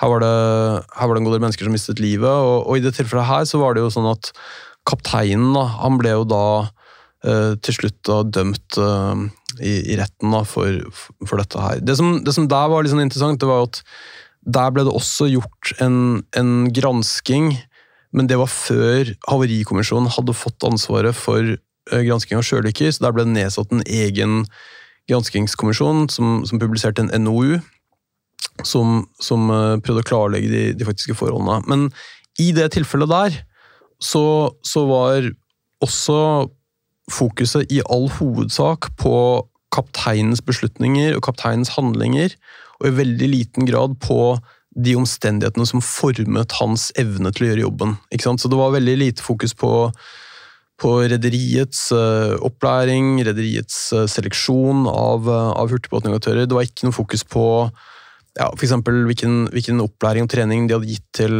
denne kioskdamen da, som passasjerene henvendte seg til når, eh, når båten hadde grunnstøtt. Altså, alle de forholdene der, det, det da Det kom da i bakgrunnen fordi at veldig mye av diskusjonen det handlet om kapteinens juridiske ansvar. Og, og den ulykken er litt interessant, for den blir jo da brukt som som, eh, som eh, rettspraksis da, er blitt da referert i denne Helge Ingstad-rettssaken. Men i sikkerhetsfagmiljøet så blir jo den ofte brukt på som et eksempel på noe som var veldig uheldig. da. At, eh, at du der har eh, et, et veldig sånn individfokus på en, en ulykke som helt åpenbart hadde en god del sånne systemforhold knyttet til seg. Ja, nettopp. Mm. Nå har jo det, I eh, Helge Ingstad-saken så har jo det også blitt gitt foretaksstraff til Forsvarsdepartementet. Foretaksstraff er jo en straff som du kan gi til. Sant? Normalt vil jo straffansvar knytte seg til individer, altså til et individuelt straffansvar der personer blir ansvarlig. Men hvis personer har handlet med, på vegne av et foretak så kan, og, og gjort seg skyldige ting på vegne av et foretak, så kan et foretak få straff. Altså en virksomhet. Eh, og det har jo Forsvarsdepartementet fått her. De fikk en bot på 10 millioner kroner. Um, og jeg kan bare ta helt kort, altså En foretaksstraff den har jo da Skal vi se, den eh, vilkårene for det er at eh, man sier det at når et straffebud er overtrådt av noen som har handlet på vegne av et foretak, kan foretaket straffes. Det gjelder selv om ingen enkeltperson har utvist skyld. Og Så skal man gjøre en sånn eh, helhetsvurdering av om man skal gi denne straffen, og der man bl.a. skal eh, legge vekt på om straffen har en preventiv virkning, lovbruddets grovhet, om noen som handler på vegne av foretaket har utvist skyld, om foretaket da ved retningslinjer, instruksjon, opplæring, kontroll eller andre tiltak kunne ha forebygget lovbruddet. Ehm, så Foretaksstraffen ehm, i Helge Ingstad-saken er jo nettopp en markering av det som går mer på det systemmessige ehm, i saken.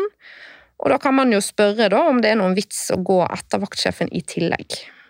Ja, og det, det er et stort uh, spørsmål, altså. Hvorfor man har valgt å gjøre det i dette tilfellet her. Fordi at uh, her er, det, her er det, som jeg har snakket om, veldig mange mennesker som var involvert i dette. Uh, vi sier at hvis vi, hvis vi ser på, på storulykker generelt, og dette her er en storulykke for alle praktiske formål, så er det ikke individer som svikter, og det er ikke utstyr som svikter, det er systemer som svikter. Og i en systemulykke, som dette her er, der er man avhengig av at alle disse tingene som bidro, må svikte for at det skulle skje. Altså, det, er altså, det, er ikke tilstrekkelig med, med kun én av disse tingene. Du, du, du, var nødt til å ha en god del av disse forholdene her som opptrådte samtidig for at dette skulle gå galt. Men Hva tenker du om foretaksstraffen til Forsvarsdepartementet her nå, um, i lys av dette med rettferdighetskultur og sånn? Um, er det noe poeng at eh, staten betaler til en annen del av staten, eller er dette også en, en trussel mot læring? Altså, Det med at staten betaler til staten, det ser du eksempler på i, i massevis av eksempler. Eh, men, men, dette med, men, dette med, plassering av ansvar gjennom foretaksstraff, det er en veldig viktig distinksjon fra individuelt ansvar. fordi da er det jo slik at man, man i hvert fall ikke henger ut, eller, eller peker på en, en person da, som ansvarlig for noe som en av kollegaene sannsynligvis ville gjort kanskje på samme måte. Hvis, hvis man hadde byttet ut den personen da, med en annen som hadde samme forutsetninger. Mm. Sånn at Foretaksstraffen er jo et godt virkemiddel til å få plassert skyld og holde noen ansvarlig, uten at man da gjør enkeltpersoner til syndebukker. Kan være det, men foretaksstraffen også har, har av og til begrensninger. Da, og, og, det kan jo være fordi at uh, problemet behøver ikke å ligge på bedriftsnivå for eksempel, eller på organisasjonsnivå. Det kan ligge på bransjenivå, eller det kan ligge på et enda høyere plan knyttet til f.eks. rammer satt av, uh, av, uh, av, av myndighetsorganer. Og det, og det, er jo en av de, de tingene som man, eh, man ser at, at, eh, kan være tilfellet. At du, du, har behov for f.eks. For forskriftsendringer da, i, i, etterkant av, av ulykker. Så, ja, ikke sant. Mm. Så er jo det også viktig da, at selv om man på en måte mm, ikke må gå for langt i å gjøre enkeltpersoner til syndebukker, så må man jo også passe på at dette læringsperspektivet ikke blir en sånn ansvarsfraskrivelse. Altså at det blir litt sånn vi liksom i vår bedrift, eller vi, vi, vil ikke ta det ansvaret som vanlige borgere må, fordi at eh, da klarer ikke vi å lære noe etterpå. ikke sant?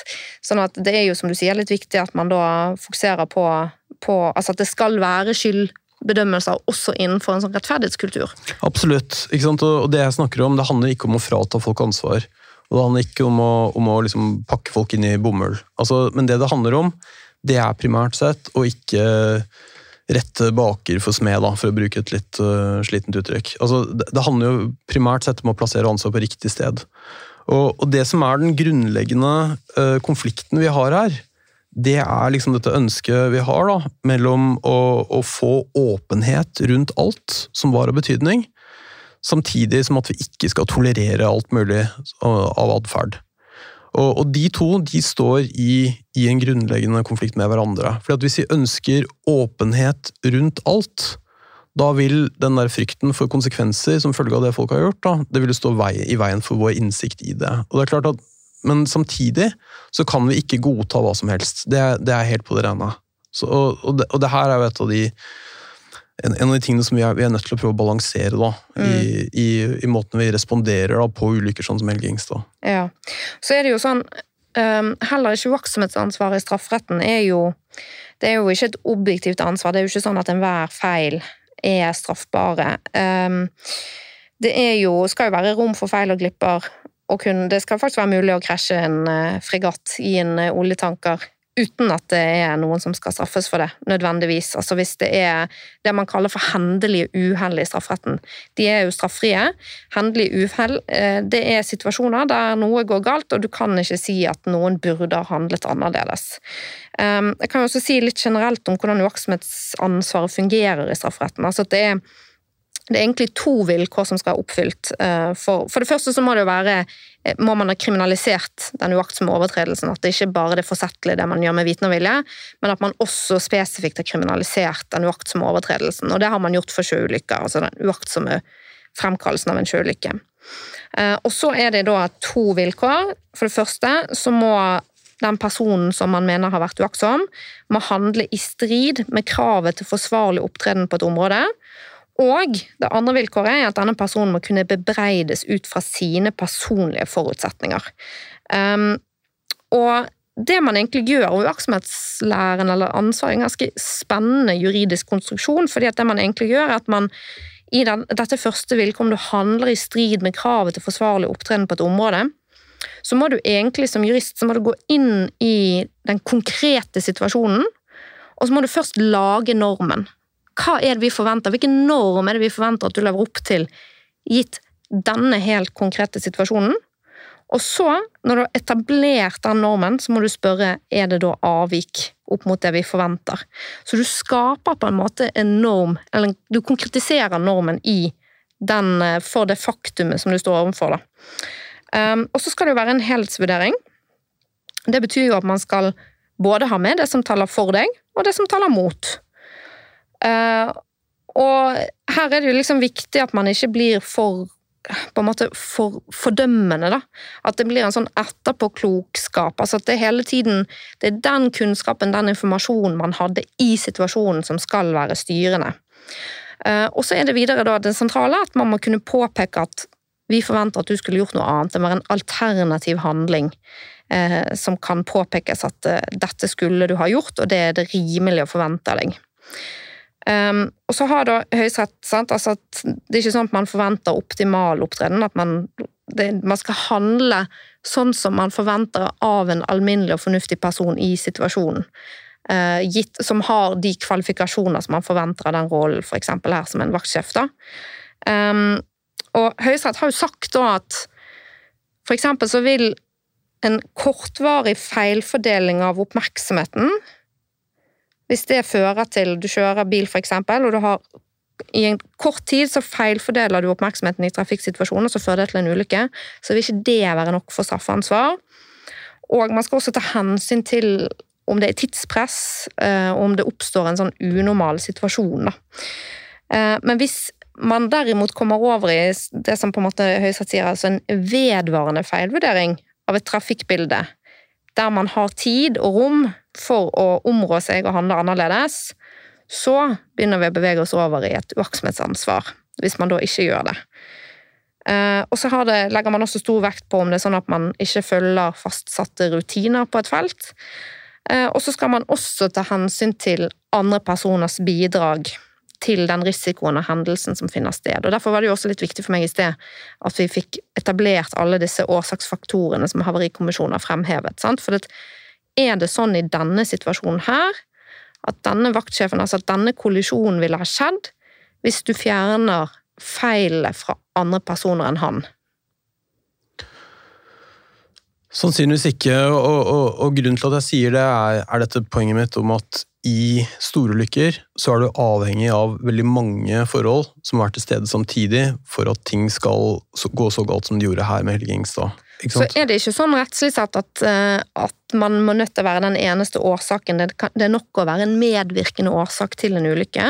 Men jeg syns jo det der er et ganske relevant poeng å reflektere over. da, altså Hvordan fordeler skyld seg på, på, tvers av ulike bidrag, ikke sant? Det er det. Og, og, en ting som også er viktig her, det er å huske på at i rettssaken så er fokus i all hovedsak på de beslutningene og handlingene som ble foretatt de siste 80-90 sekundene før, før, kollisjonen. Det det er veldig lite fokus på, det er f.eks. 40-50 år med normer i fregattvåpenet. Og hva er det som har vært vanlig der? Og, og her har man jo Og det skal man ta med seg inn i uaktsomhetsvurderingen. Det er jo også kartlagt at hvis noe er vanlig praksis på et felt, så er det noe som taler til din fordel. Det er akkurat det, og, og det er et veldig sentralt poeng her. At, at det som her ble gjort på Helge Ingstad, det var i stor grad veldig vanlig praksis. Både på fregatt og, og, og, andre steder i marinen. Mm. Jeg kan jo gjengi fra tiltalebeslutning hva påtalemyndigheten mener at vaktsjefen har gjort galt. da. Eh, de viser til at båten kjører i 17 knop, og at det går for fort. Um, AIS, som er dette her systemet, radarsystemet, sant? det var i sånn passiv modus, sånn at andre ikke kunne se hvem som kom. Um, vaktsjefen skal ha diskutert med avtroppende vaktsjef, altså det var jo et vaktskifte her. De skal ha diskutert hva det opplyste objektet var for noe, eh, ca. klokken 03.43 til 03.53, står det i tiltalen. Altså, denne kollisjonen skjer altså da ett minutt over fire. Han, eh, de mener at han ikke har undersøkt tilstrekkelig om dette var et landfast eller eh, landfast objekt eller fartøy ved land, eller hva det var. Um, og um, han registrerte heller ikke, denne vaktsjefen, at det på radioen, sant? Altså for det er jo på en radio her, på radioen så blir altså dette tankskipet klarert for avgang nordover klokken 03.45 fra Fedje eh, sjøtrafikksentral. De mener da at um, han også etter dette unnlater da bruk av radar og AIS-plotting. Han engasjerte ikke andre for å finne ut hva objektet var. Um, han ga ordre om en kursendring mot barbord uten å undersøke hvorfor det var nødvendig å fravike forhåndsplanlagt og validert kurs. Det har ikke helt skjønt hva de mener med det, men det står i tiltalen. Og så, når han da mottar dette anropet fra Sola T ca. klokken fire om å svinge styrbord, så har han da ikke gjort fare og skade avvergende tiltak. Altså han har ikke redusert farten. Eh, og han, ikke, han, avklarer ikke hvorfor han blir bedt om dette. Han tror jo at det er en båt lenger inne, ifølge Havarikommisjonen. Og da kommer denne kollisjonen. Um, og, og påtalemyndigheten mener da at det er sentralt at det her er brudd på tjenesteplikter. Så kan man jo diskutere det her, da, for en ting som ikke står noe om i tiltalens grunnlag, og det er jo for så vidt naturlig nok, siden den er på en måte anklagende i sin form, men det som ikke står noe der, er jo at han ifølge Havarikommisjonen velger riktig unnamanøver når det først går galt. Det er bare det at det skjer for seint. Ja da, ikke sant? Men, men, her er det viktig å huske på en ting, og det er at de fleste yrkesutøvere de går ikke på jobb for å begå lovbrudd. altså. De, han her kan jeg love deg, han var ikke interessert i å kollidere med en tankbåt. Nei, og Det mener jo ikke påtalemyndigheten heller, de mener jo at det er uaktsomhet. Nettopp. Men, altså det, men det som da må legges til grunn, det er summen av alle de omstendighetene som påvirket her. Det er, det er ting som er knyttet til, til uh, lysforurensning i Hjeltefjorden, det er ting som er knyttet til erfaringen han har, det er knyttet til kommunikasjon både med, med, Sjøtrafikksentralen og med losen. Det er forhold knyttet til kommunikasjon innad på broa, det er forhold knyttet til hviletider, det er knyttet til alt mulig. Og, og det er her dette spørsmålet som du reiste i sted Hadde du erstattet denne personen med en annen person? Ville en annen person begått en, en, annen handling? Det er veldig usikkert, men her er det i hvert fall stor grunn til å tro at det ikke vil være tilfellet. Fordi at de forholdene som her var til stede, som bidro til at dette gikk galt, det er forhold som er veldig vanlige i, i Sjøforsvaret. Dette er forhold som, som, man har sett både i massevis av mindre ulykker, men det er også forhold som har vært til stede alle de dagene hvor ting har gått bra. Det er veldig lite som skiller en storulykke ofte fra de forholdene som, som har vært der de, de, dagene hvor ingenting har skjedd. Og Det gjelder også dette tilfellet her. Ja, og Da blir jo egentlig spørsmålet om påtalemyndigheten når de besluttet å ta ut tiltale, har lagt denne terskelen litt for lavt i Ingstad-saken? Altså, er det sånn at man eh, av de negative konsekvensene som en straffesak har, og man har jo et visst påtaleskjønn her òg, ikke sant altså, eh, Bør man være litt forsiktig, litt mer tilbakeholdende når det ikke er gjort graverende feil, graverende brudd på, på tjenesteplikter? Det er jo det som er veldig sentralt spørsmål her. Altså, en ting er jo juridisk ansvar, og, og, og, det er relativt klart her. Men en annet spørsmål er om det er hensiktsmessig. Han har ikke gått på jobb full, han har ikke Altså, går du på jobb og, uten å ha sovet mange, i mange døgn, liksom, er det noe sånt, så er jo det mer naturlig med dette individuelle ansvaret, men da er vi også over den grove uaktsomheten. Det er akkurat det. ikke sant? Så én ting er den problematikken vi har diskutert rundt rettferdighet, og hvem det er som blir holdt ansvarlig. Men en annen ting det er hvorvidt det gagner sikkerhet. Og, og der, er det, der, er det, mange sånne konsekvenser da, av, av denne påtalen som, som, vi er bekymret for. Som spesielt er knytta til underrapportering, det er frykt for å dele informasjon, som kan være viktig. Det er potensielt eh, stigmatisering av folk i etterkant av, av ulykker. Men én ting som også er veldig viktig er å tenke på i et sånt juridisk perspektiv, da, sammenlignet med en sånn sikkerhetsfaglig, det er at det er en stor forskjell på det vi på engelsk da kaller for, for liksom risk management, altså det å håndtere risikoen forbundet med en jobb, opp mot liability management, som handler om det å unngå juridisk ansvar. Og det er en ting man ser veldig mye av, bl.a. i næringslivet. Det er at man har veldig mye sikkerhetsbyråkrati som kan være knyttet til at folk skal signere ut, at de har fulgt alle krav, at de skal krysse av bokser, at de skal gjøre ting som ikke nødvendigvis tjener sikkerheten noe særlig grad, men som i større grad er der for å, for å unngå øh, ansvar i etterkant av en eventuell hendelse. Og, og dette er jo ting som, som, vi, som vi, også vet kan, kan ha andre, andre bivirkninger.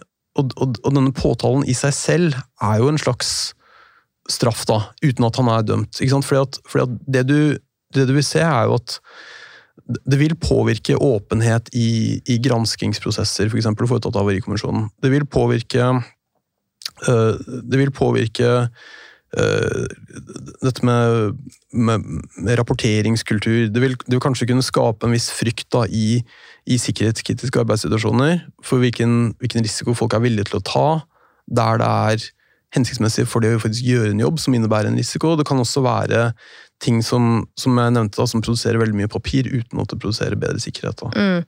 Så er det jo også sånn at Påtalemyndigheten de må jo forholde seg til den rettspraksisen som finnes fra før. Ja. Altså presidensen som er lagt. Mm. Uh, og det er jo ja, jeg synes egentlig jeg har funnet to dommer fra Høyesterett som jeg syns er ganske interessant.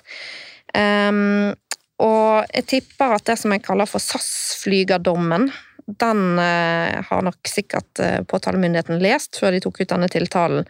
Eh, og det gjaldt jo en sak der eh, ja, Du kjenner jo denne saken godt òg, du tipset meg om den Værnes-saken. sant? Altså Det er en kaptein på SAS, på et SAS-fly som flyr inn til Værnes. Han blir, eh, Under innflygning så blir han bedt av tårnet om å kontakte SAS trafikkontor Eh, det er noe sånn Han skal gi noe beskjed om noen videreforbindelser og noe sånt. Og når han eh, blir oppringt og engasjerer seg i den samtalen, så glemmer han å armere spoilerne. Hva betyr det? Dette er jo, dette er jo det som gjør at um, og du mister alt løft på flyet. Så, så det, er å, det, er jo et steg da i, i landingsprosedyren at du, at du, gjør de klar for å aktiveres. Ja. Og, og, her var det jo sånn at når han blir klar over at han har glemt det steget, så er det vel sånn at annenflyveren gir beskjed om det. Ja, da, han sier eller roper plutselig spoilerne. Ja, og så Ved en feil så blir de da aktivert. da, og Det gjør at de, de mister høyde og slår ned i bakken. Ja, og Da står det da i høysatsdommen at mm. istedenfor å armere de, så utløser han de uh, manuelt. og Det er noe man alle skal gjøre med mindre man er på bakken. og Da mister flyet høyde når det er ganske nært bakken, egentlig. Mm. Uh, og det ender jo da med at uh, og, og, da har denne kapteinen umiddelbart skjønner han hva han gjør, og så korrigerer han seg. Og det gjør jo òg at han får stoppet flyet i, altså i, en ulykke som virkelig ville vært katastrofal. Og det skjer Flyet da, det treffer da likevel bakken uh, ganske hardt.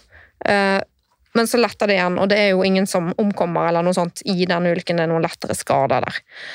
Og det Høyesterett sier i denne dommen her, fra 1989 er at eh, det må gjelde en streng aktsomhetsnorm i sivil luftfart grunnet de store konsekvensene ved ulykker. Det er jo det man tenker da. Det ligger jo det en tanke om at vil, en streng aktsomhetsnorm vil eh, antagelig ha en sterk preventiv virkning. Det har vi utfordret litt her i dag. Eh, de viser, Høyesterett viser til at For han blir jo dømt, sant. Og Høyesterett viser til at dette skjedde under normale forhold. Han skulle aldri latt seg engasjere i denne radiosamtalen. Det var regelstridig. Eh, og det er sånn at man aldri skal utløse disse spoilerne når man er i luften. Og Samlet sett så kommer Høyesterett frem til da, at, eh, han valgte en inadekvat arbeidsoperasjon, og at, han, at det var en manglende etterlevelse av regelverket, og han får da en betinget fengselsstraff, altså han trenger ikke å sone den i fengsel. Um, og den dommen er jo litt interessant. altså der, der, legger man et ganske strengt ansvar. altså Hva tenker du om den opp mot Helge Ingstad? Nei, altså den, den, dommen er jo et veldig godt eksempel da, på en etter mitt syn utdatert tilnærming da, til, uh, til uh, måten vi responderer på, på ulike av typen her. Og, og, også et veldig sånn individfokusert perspektiv da, på, på feilhandlinger. Fordi det vi snakker om her nå, det er, det er kriminalisering av feilhandlinger. Og, og, og, feilhandlinger de er ikke årsaker. Feilhandlinger er symptomer på underliggende, underliggende sårbarheter, underliggende svakheter. Og I det tilfellet her så var jo dette med at han ble forstyrret da, av, eh, av bakkekontoret, veldig medvirkende til, til at eh, han glemte dette steget. Og, og når han aktiverte disse spoilerne, så kan jeg garantere at det ikke var med hensikt. Det er jo noe som, som var på grunn av, av andre ting. Og, og, her er det jo da her er det da viktig å, å huske på at de forholdene som bidro her, de kan nok ikke knyttes til den aktuelle flykapteinen. Dette var jo ting som, som man i liten grad kan peke på han som årsak til. Men det mener jo Høyesterett, og de mener at han skulle aldri engasjert seg i en radiosamtale, og visste at det var regelstridig. Ja, nettopp. Og da er spørsmålet var det helt uvanlig da, for flyvere å engasjere i radiosamtaler eh, ellers. Ja, ja. Og, og, sannsynligvis så, så, må man anta at det var vanlig. Ja, det, og, og, det du må anta her, det er at det han har gjort i dette tilfellet her, er kanskje noe som man har gjort veldig mange ganger før uten at det har hatt noen konsekvenser. Så det her er i hvert fall ganske, et eksempel på en ganske streng dom fra Høyesterett, og så har vi et eksempel på der det ble frifinnelse. og Det kan vi kalle for Seacat-dommen. Det er egentlig en kjennelse fra 1990 1993. I denne saken så ble kapteinen frifunnet for uaktsom sjøskade. Han hadde kjørt eh, en hurtigbåt, MS Seacat, derfor heter det Seacat-dommen. Eh, han hadde kjørt denne hurtigbåten fra Selje til Bergen, eller han skulle til Bergen. Den hadde 146 passasjerer om bord og seks mannskap. Og de ender med å kollidere i mørket mot land på Risøy. Dette skjer 4. Eh, november i 1991. I denne ulykken var det to personer som omkom, og mange som ble skadet. Um, her var jo det en påstand fra påtalemyndigheten om at han hadde handlet uaktsomt. De mente at han burde brukt radaren mer. Eh, for han drev med sånn optisk navigasjon, som vi snakket om tidligere, altså manuell navigasjon, kan vi kanskje si. Eh, og ehm, påtalemyndigheten mente det var kritikkverdig at han hadde kjørt i maks hastighet på disse hurtigbåtene, 34 knop. Um, og at han ikke reduserte farten til tross for at han seilte inn i et trangt sund i mørket. Uh, og, grunn, og hadde også, han hadde også redusert sikt pga. regn og vind. Høyesterett de uh, frifinner de starter med å vise til at eh, det også her skal være strenge krav til aktsomhet for passasjertrafikk og hurtigbåter som har stort farepotensial. Ehm, men kommer da til at denne kapteinen kan ikke klandres for ikke å ha brukt radaren. Og her er det mitt inntrykk at det var en sakkyndig i herredsretten som var ganske sentral, for det var en sakkyndig som da sa at det med optisk navigering. Det var nok, og det var tvert imot sånn at man ikke burde drive både med radar og optisk navigering samtidig. Eh, han drev og skulle se på noen sånne blink, sånne lys som blinker deg inn, ikke sant. Um, så det ble tillagt uh, ganske stor vekt, og det jo, ligner jo på det du sier, sant, hva var vanlig og hva er forventet. Sant? Og her var det på en måte en, en sakkyndig som sa at det var faglig forsvarlig å ikke bruke radaren mer, og gjøre disse to tingene samtidig. Uh, og så men, sier Høyesterett at uh, For han kommer jo da i en villfarelse om hvor han er. Altså han, han, tror han er et annet sted enn der han er, og det kunne han ikke klandres for. Um, og gitt at han ikke kan klandres for det, så må han liksom, så må vi ta hensyn til hans, hva han oppfatter, og ta utgangspunkt i det. Um, og gitt at han trodde han var der han var, så mener også Høyesterett at han ikke da kjører for fort. Uh, og at hvis han hadde redusert farten, så ville han ha mistet manøvreringsevnen. Og de viser jo da til, til at um, det var akseptert av sjøfartsmyndighetene at hurtigbåtene gikk drast i disse trange sundene. Så samlet sett så sier Høyesterett at uh, ok, her var det en unormal situasjon, det var tidspress, det var små tidsmarginer til disposisjon for å handle. Og da må man være tilbakeholden med å konstatere straffbar uaktsomhet for uriktig valg. Um, han konsentrerte seg om navigeringen, det var faglig forsvarlig, og han gjorde det han trodde var riktig, som var å vente på det neste blinket før han Ja. Hva tenker du her, da? Nei, igjen altså, så er det viktig å, å, se på summen av omstendigheter, og ikke minst også se på hva er vanlig. Det er veldig sjelden at, at folk gjør ting som avviker fra det, det, kollegaer gjør, eller fra det lederne deres har uh, indikert er, er, forventet av dem. Det er, det er ofte, det ofte tilfellet at, at det, det, som gjøres i disse situasjonene, det er ting som er etablerte normer. Og, og det, man må, må, se på, er jo, er jo da hvordan er det man under disse ulykkene her har hatt, Hvilke forutsetninger har man hatt for å kunne gjøre jobben sin på en, på en sikker måte? Og, og, hvor er det da ansvaret skal, skal plasseres i ettertid av, av, ting som har gått galt? Fordi at En av de tingene som vi, som vi er opptatt av da, i dette rettferdighetskulturperspektivet, da, det er først og alt å, å, forstå hvilke krav er det folk blir, blir målt mot. Altså, og, og, Dernest må vi se på hvilke forutsetninger har man for å kunne møte de kravene. Er det, er det, slik at uh, kravene lar seg møte med hensyn til den tiden man har tilgjengelig, med hensyn til det utstyret man har, med hensyn til den opplæringen man har, med hensyn til, til de folkene man har rundt seg?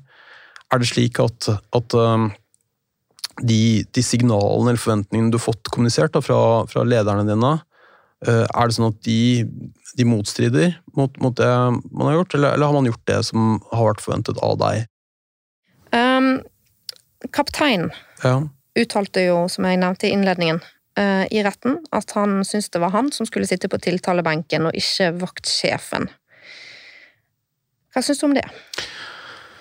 Nei, altså Det er jo, det er jo Hvor var kapteinen? Ja, Kapteinen han, han hadde vel um, Eller skipssjefen, da, som det kalles da, her. Altså, han, han, Så vidt jeg vet, så var han uh, ikke på vakt når denne ulykken skjedde. Han hvilte. Men han var med om bord i båten? Han var med om bord, ja. ikke sant? Og, og, det er vanlig at uh... Ja da, ja, ja, absolutt. ja. Og, men men i, i, i, dette tilfellet her, hvor han sier at han burde være på tiltalebenken, så er jeg ikke sikker på om jeg er enig i det heller. Altså, fordi at det, det går liksom tilbake til til det juridiske ansvaret da, som vi har diskutert. Men, ja, fordi her er det jo litt sånn normsystemer som kolliderer, ikke sant? Her er det normsystemer som kolliderer, da. Men, men det han Fordi kapteinen har ansvar i sjøretten ja. uh, for alt som skjer om bord på en båt. Mm. Uh, men i strafferetten så er vi opptatt av den som utløser og forårsaker. Nærmest, som er nærmest ulykken. Korrekt. Ikke sant? Ja. Mm. Og det som så. også er litt interessant, er jo at Mitt inntrykk er at um, dette med å gå inn med straff for feilhandlinger på jobb, mm. det varierer litt med hva slags område, altså hvor man jobber. Altså en eh, trailersjåfør eller en uh, kaptein på en båt um, stå, har større sjanse for å bli utsatt for en uh, tiltale for feil gjort i jobben, enn f.eks. en som er ansatt i barnevernet. Absolutt, og, og, og dette er jo en av grunnene til at at i samfunnet totalt sett, så er det nok mange som skulle ønske å se flere hendelser der folk har begått feil i yrkessammenheng, inn i domstolene. Fordi at du nevner f.eks. yrkessjåfører. Der har, du, der har, du, ganske mange eksempler på at folk har blitt domfelt da, for, eh, for dødsulykker. Leger er vel mindre. Nettopp. ikke sant? Og, og, og et argument der det er at her, her har man uh, ikke likhet for loven, da, og at du kan ha laugsmentalitet eller, eller liksom, lukkede fagmiljøer som, som, verner om sine egne, der de også bør bli stilt uh, ansvarlig da, i, i retten.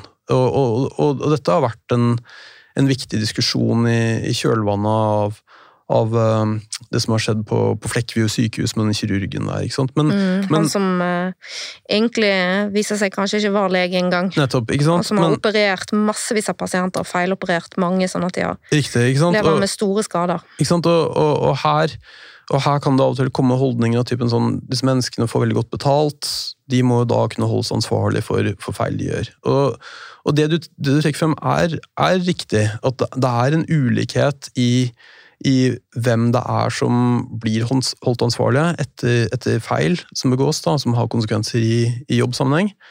Men det er også, som du påpeker, en veldig forskjell i hvilken anledning folk har til å begå feil som får store konsekvenser. Altså, Jeg har en kontorjobb, og, og det er klart at hvis jeg gjør en feil, så får det veldig sjelden noen særlig store konsekvenser. Det er ting jeg kan, kan rette opp i. Men er du, er du, kirurg, eller er du pilot, eller er du navigatør, så er det en veldig annen situasjon. Og da, da triller du terningen ganske mange ganger. Og da er det ofte en, en større mulighet for at, for at enkeltfeillandinger kan få, få, store konsekvenser. Da. Ja, og man har jo også f.eks. For, for dommere, sant. Altså, det er jo ikke før de mot bedre vitende dømmer noen uriktig til straff, f.eks. At man kan straffe en dommer. Det, og det er jo veldig viktig å holde på. Altså at uh, Er du dommer et helt liv, så kommer du antagelig til å sende noen uriktig i fengsel på et tidspunkt. Det er riktig. ikke sant? Du nevner jo barnevernet, f.eks. Og, og det er klart at hvis du har hvis du har tilfeller da, av, eh, av omsorgssvikt som, eh, som, har pågått lenge og som har fått store konsekvenser for barn, der, der barnevernstjenesten ikke har vært i stand til å, å fange opp dette her, da vil, da vil det bli møtt med, med, sterke reaksjoner i offentligheten. Og da vil det ofte komme spørsmål om er det ikke slik at noen skal bli holdt ansvarlig. Og da er spørsmålet er det, er det liksom de aktuelle saksbehandlerne eller, eller, de som har vært involvert i denne saken. Og det, det er klart at da kommer du tilbake til dette grunnleggende problemet mellom straff og læring. Ønsker du å forstå omstendighetene? Ønsker du å forstå liksom, hva er det som grunnleggende sett har, har, påvirket folks beslutninger, handlinger? Hvorfor har folk gjort det de har gjort? Og, og det er den kunnskapen vi ser på som viktigst da, for å kunne forbedre. Fordi at Hvis ikke vi forstår de tingene, her, så har vi veldig dårlig grunnlag for å, å sette inn tiltak som, som monner. Som bedrer sikkerheten. Absolutt, og, og det er det vi ønsker mest. Da tror jeg vi har kommet til den avsluttende spalten, eh, der du skal få lov å fremheve noe du synes er rett eller slett i vår rettsstat. Og vi har snakket eh, vel og lenge, så jeg tror vi skal ta det ganske kort nå før eh, vi gir oss for i dag.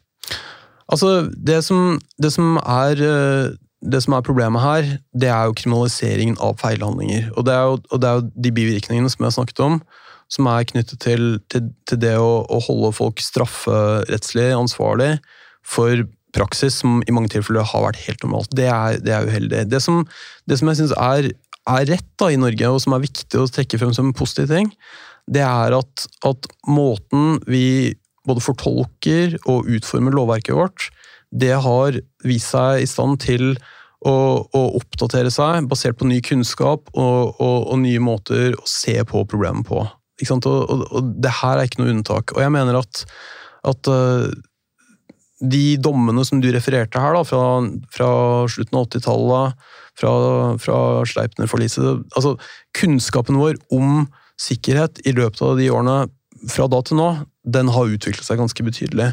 Og Det betyr at jeg, jeg håper også at vi, at vi vil se mm. endringer. Og den sikkerhetsfaglige kunnskapen er en helt annen i dag. Den er det, ja. Og da må rettssystemet også oppdatere seg, kanskje. Det er mitt håp. Ja. Det var det vi hadde tid for i dag. Takk til eh, Kristian som stilte her i studio, og takk til dere som har hørt på.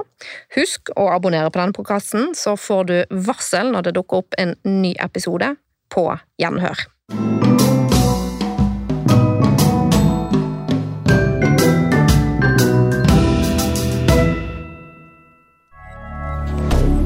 Moderne media.